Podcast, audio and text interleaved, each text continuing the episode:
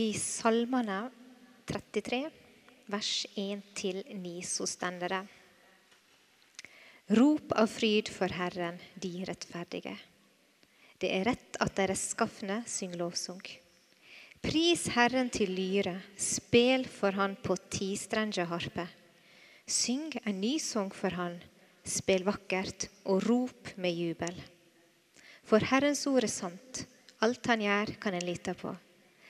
Han elsker rettferd og rett, og jorda er full av Herrens miskunn. Ved Herrens ord ble himmelen skapt, hele himmelhæren ved pusten fra Hans munn. Han samler havvatnet som i et kar, la havsens dyp i forråd. Hele verden må frykte Herren. Alle som bor på jorda, må skjelve for Han. Han taler, og det skjedde. Han baud, og det sto der. Amen. Vær så god, Martin.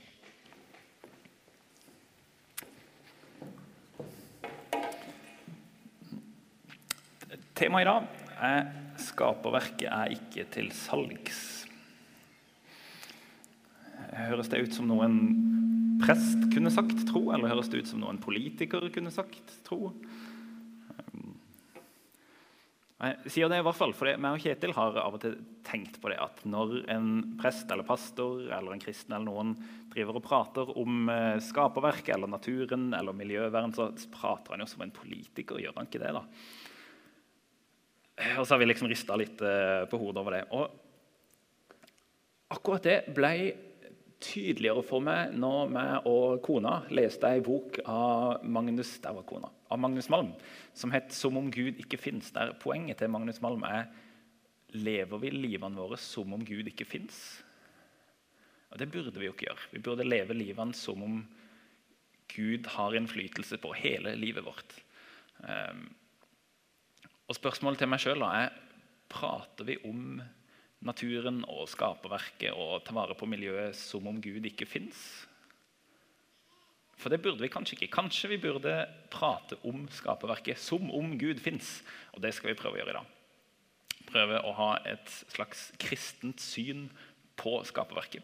Og skal gjøre det med tre ting. Vi skal prate litt om, um, om hvordan Gud ser på naturen. Hva slags blikk har Gud på naturen? Og Vi skal prate om, prøve å finne ut av hva slags planer har Gud for naturen, og da òg hva slags planer burde vi ha for naturen. Og Poenget mitt eh, er dette her, eller det står her og der, at vi skal prøve å se på skaperverket sånn som Gud ser på skaperverket. Det er poenget. Ok, La oss først snakke litt om hvordan Gud ser på skaperverket. La oss prate om verdi. For Forrige søndag så prata Rune om mennesket. Da var temaet 'mennesket er ikke til salgs'. Eh, og Rune prata om menneskets verdi, menneskeverd. Og hvis man prater om menneskeverd, så kan man for si at ja, ok, er mennesket verdifullt pga. hva det kan gjøre og prestere og brukes til, eller er mennesket verdifullt i seg sjøl? Det er veldig lett å si at jo, mennesket er verdifullt i seg sjøl. Eh, men hva med naturen?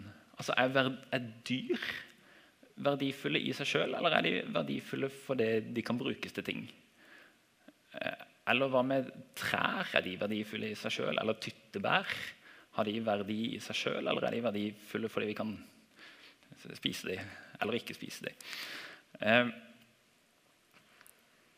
I Første Mosebok 1 så står det at Gud skapte.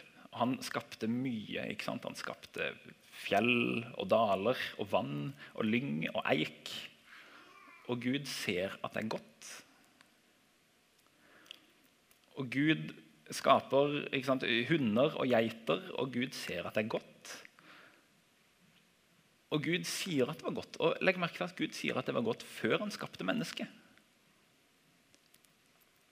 Så det virker som om Gud syns at hele skaperverket er godt. Ikke bare fordi mennesker kan bruke det, men det er godt. Punktum. Det er godt i seg sjøl. Gud liker skaperverket sitt.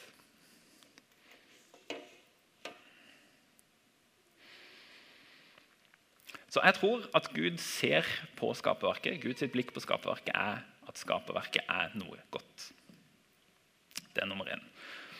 Ehm, det kan være du kan klikke eller rulle eller noe sånt. Gud så at det var godt. Nummer to. Jeg tror òg Gud ser at skaperverket er godt for oss. Når Gud skapte eh, alt sammen og skapte mennesker, så tror jeg han skapte naturen sånn at naturen skulle være noe godt for mennesker. For eksempel, visste dere, dette her er det undersøkelse på, visste dere at folk som bor nærmere skogen, opplever seg sjøl som mer friske enn folk som bor langt unna skogen?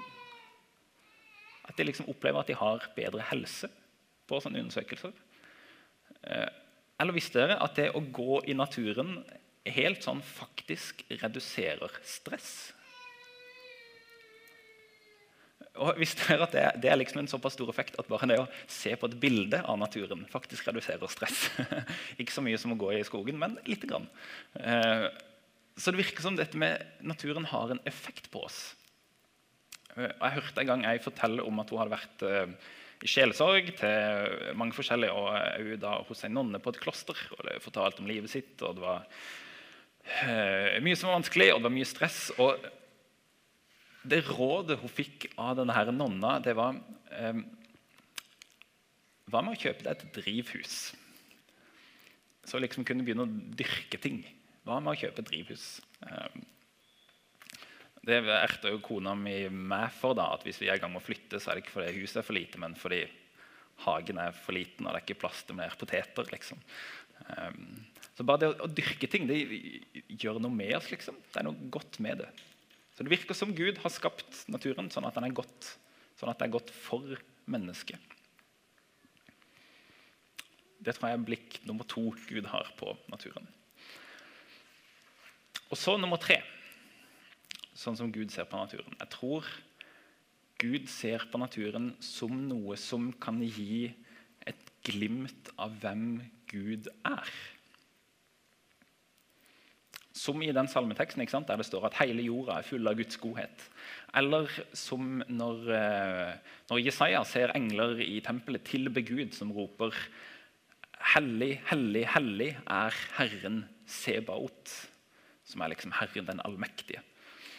Hele jorden er full av Hans herlighet, synger de til englene. Hele jorden er full av Guds herlighet. Um, og jeg tror da at hele jorda kan si oss noe om hvem Gud er. Det er som Paulus sitt poeng tidlig i romerbrevene. For eksempel, Kanskje kan det bare å gå en tur i skogen gi et glimt av hva det betyr at Gud omslutter hele oss, omringer oss. Eller kanskje det å se opp på en stjernehimmel kan gi et glimt av Guds ufattelige makt, Guds allmakt som har skapt liksom, alt dette her. Én ting er alt det som er på jorda, men det er en hel verden der ute som Gud også har skapt. Eller at en solnedgang sant, kan gi en glimt av Guds kreativitet og Guds skjønnhet. Ehm, jeg tror skaperverket kan gi glimt av hvem Gud er. Det tror jeg er en tredje ting om hvordan Gud ser på skaperverket. Skapverket er noe godt. Det er noe godt for oss. Og jeg tror det kan gi noe glimt av hvem Gud er.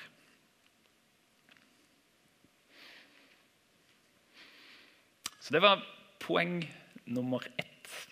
Hva slags blikk har Gud på skaperverket? Nummer to. Hva slags planer har Gud for dette skaperverket? Eller hva slags drømmer har han for det? Eh, og For å prøve å prate litt om hva slags drømmer Gud har for skaperverket, så la oss snakke litt om frelse. For frelse er jo liksom Guds store plan gjennom hele Bibelen. Jeg hørte en gang ei fortelle om sin far som hadde vært lagt inn på sykehus her i Kristiansand. Ehm, det gikk helt greit, han kom seg ut igjen. Men mens han lå der på sykehuset, så hadde det kommet en fugl inn på dette her pasientrommet han lå på. Det er visst ei greie her på Sørlandet eh, fugler som kommer inn. Og han her faren så da Han liksom satt og observerte denne fuglens kamp om å få komme ut av dette rommet. Liksom ut i friheten, ut der fuglen hørte hjemme. Og For denne her, eh, faren så ble det eh, på en måte, et slags bilde på frelse. Om hvordan liksom sjelen lengter etter å komme ut av denne kroppen og stige opp til Gud. Um, et sånn syn på frelse handler jo om at sjela skal bort fra kroppen, frigjøres og opp til Gud. Det tror jeg ikke er riktig. Det tror jeg ikke er en sånn bibelsk visjon om hva frelse er for noe. Jeg tror frelse handler om mye mer enn sjela som skal slippe ut av kroppen. Fordi, nummer én Frelse handler om kropp. Når Paulus snakker om frelse, så sier han at vi skal stå opp på samme måte som Jesus sto opp fra de døde. Og når Jesus sto opp fra de døde, så hadde han en kropp. Og Man kunne ta på kroppen, og man kunne se kroppen. Eh, og Man kunne lage mat til Jesus, og Jesus kunne spise det. Så Jesus hadde en kropp. Frelse innebærer en kropp. Guds plan om frelse er et sånn stort ja til det kroppslige. Så Frelse handler ikke bare om ånd, det handler om kropp. Men ikke nok med det. Neste. ja. Frelse handler om mer enn vår kropp. Jeg tror frelse handler om sauer og geiter.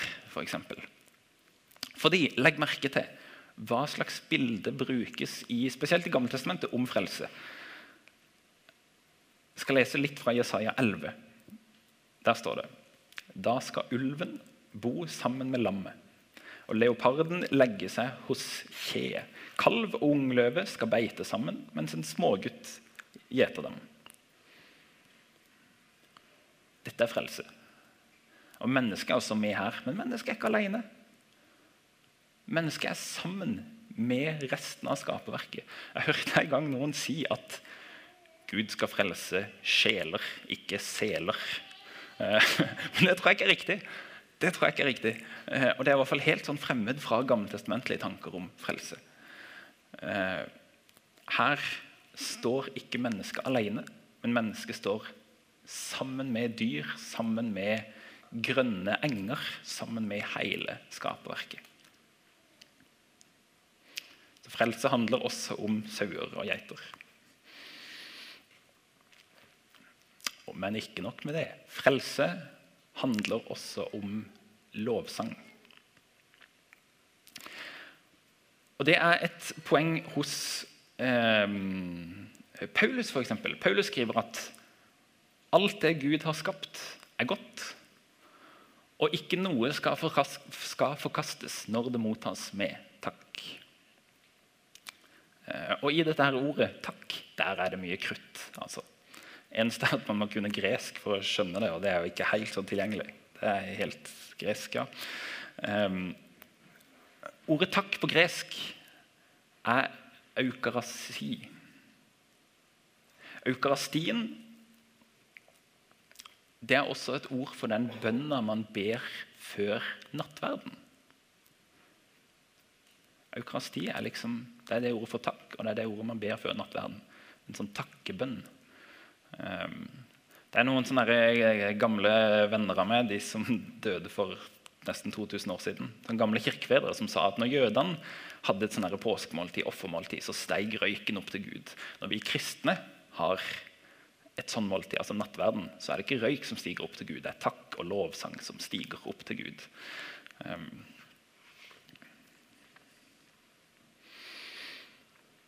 og det er et, et poeng i en sånn tanke om gudstjeneste, og det finner vi litt sånn i Johannes' åpenbaring, at den tilbedelsen man har i himmelen, den tilbedelsen i sånn åpenbaringen kapittel 4-5, den tar vi litt del i når vi feirer gudstjeneste. Vi tar liksom del i den himmelske tilbedelsen her på jorda.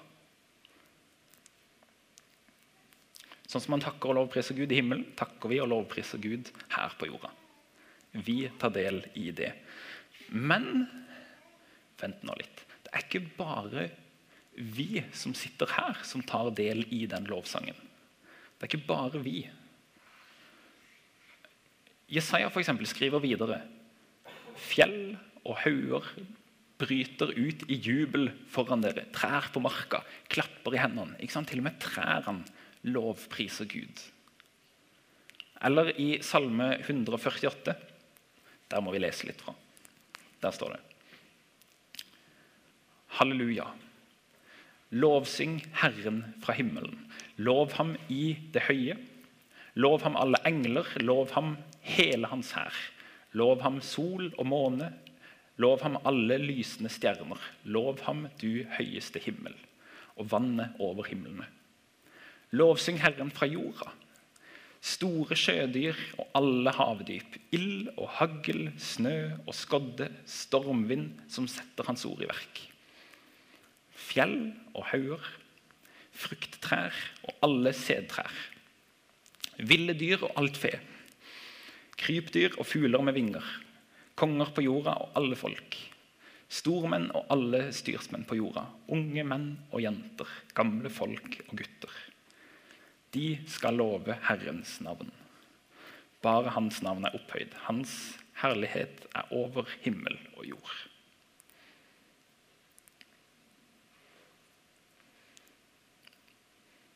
Lovsang, eller å tilbe Gud, er ikke bare noe mennesker holder på med.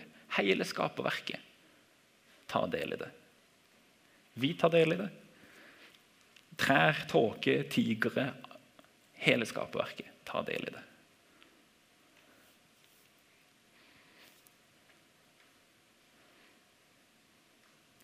Så denne himmelske aktiviteten som lovsang er, den er vi ikke alene om å bedrive. Guds plan er at hele skaperverket skal ta del i det. Så Guds drøm for skaperverket det handler om en frelse for alle ting. Gud, Jesus som forener alle ting med seg.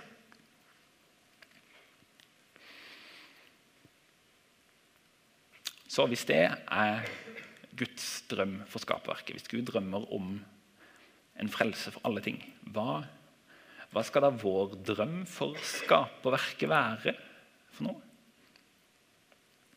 Det er eh, en del eh, klimaforskere og alle andre som sier at mennesket påvirker hele planeten. Det vi gjør, påvirker hele planeten. Og det er jo på en måte det samme som det Bibelen har sagt i alle disse år.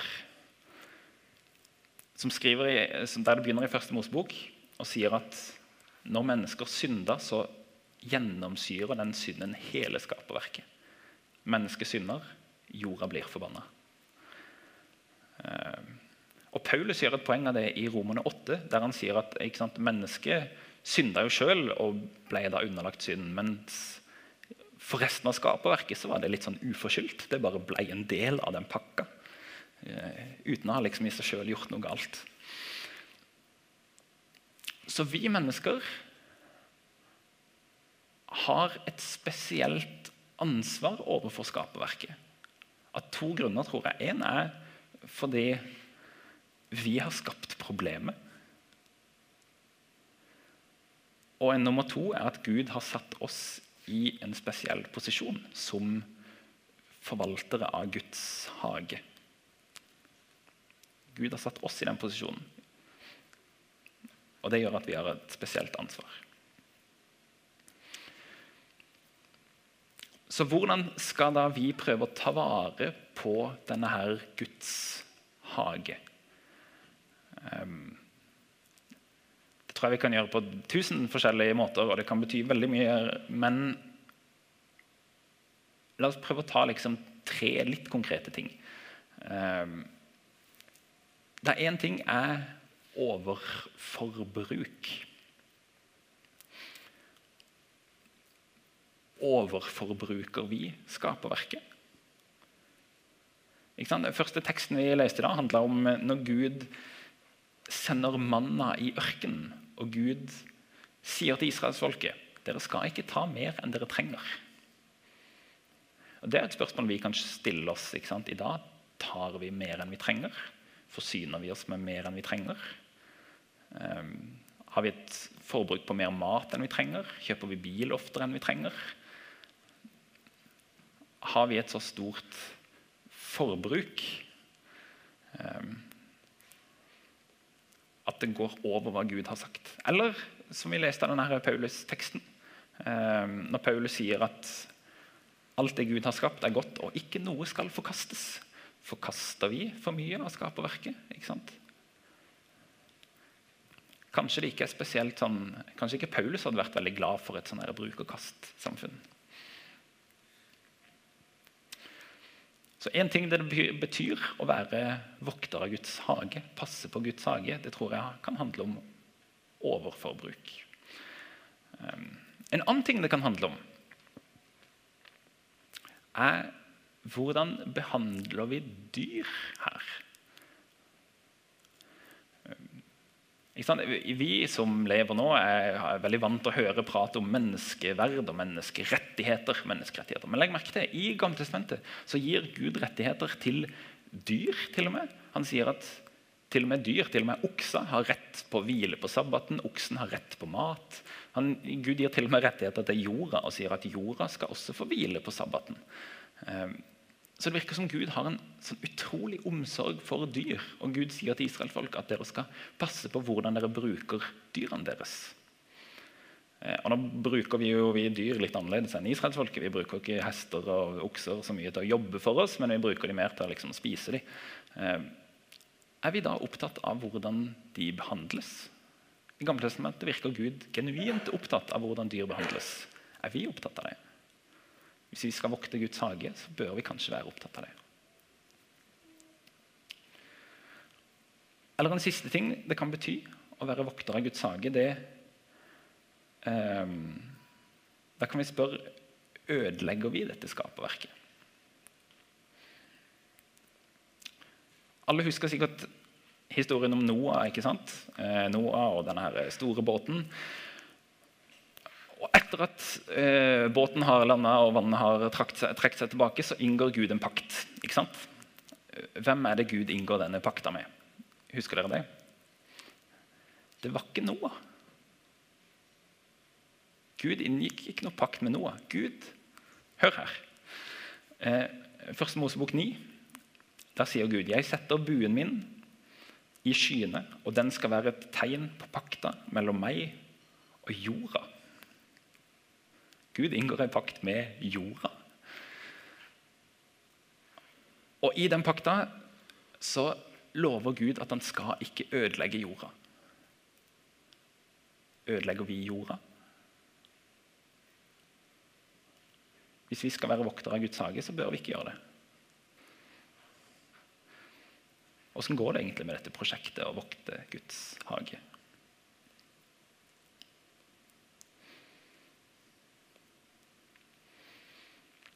Det tror jeg er tre litt konkrete ting. Hva det kan bety at vi skal prøve å la Guds drøm for skaperverket bli vår drøm for skaperverket.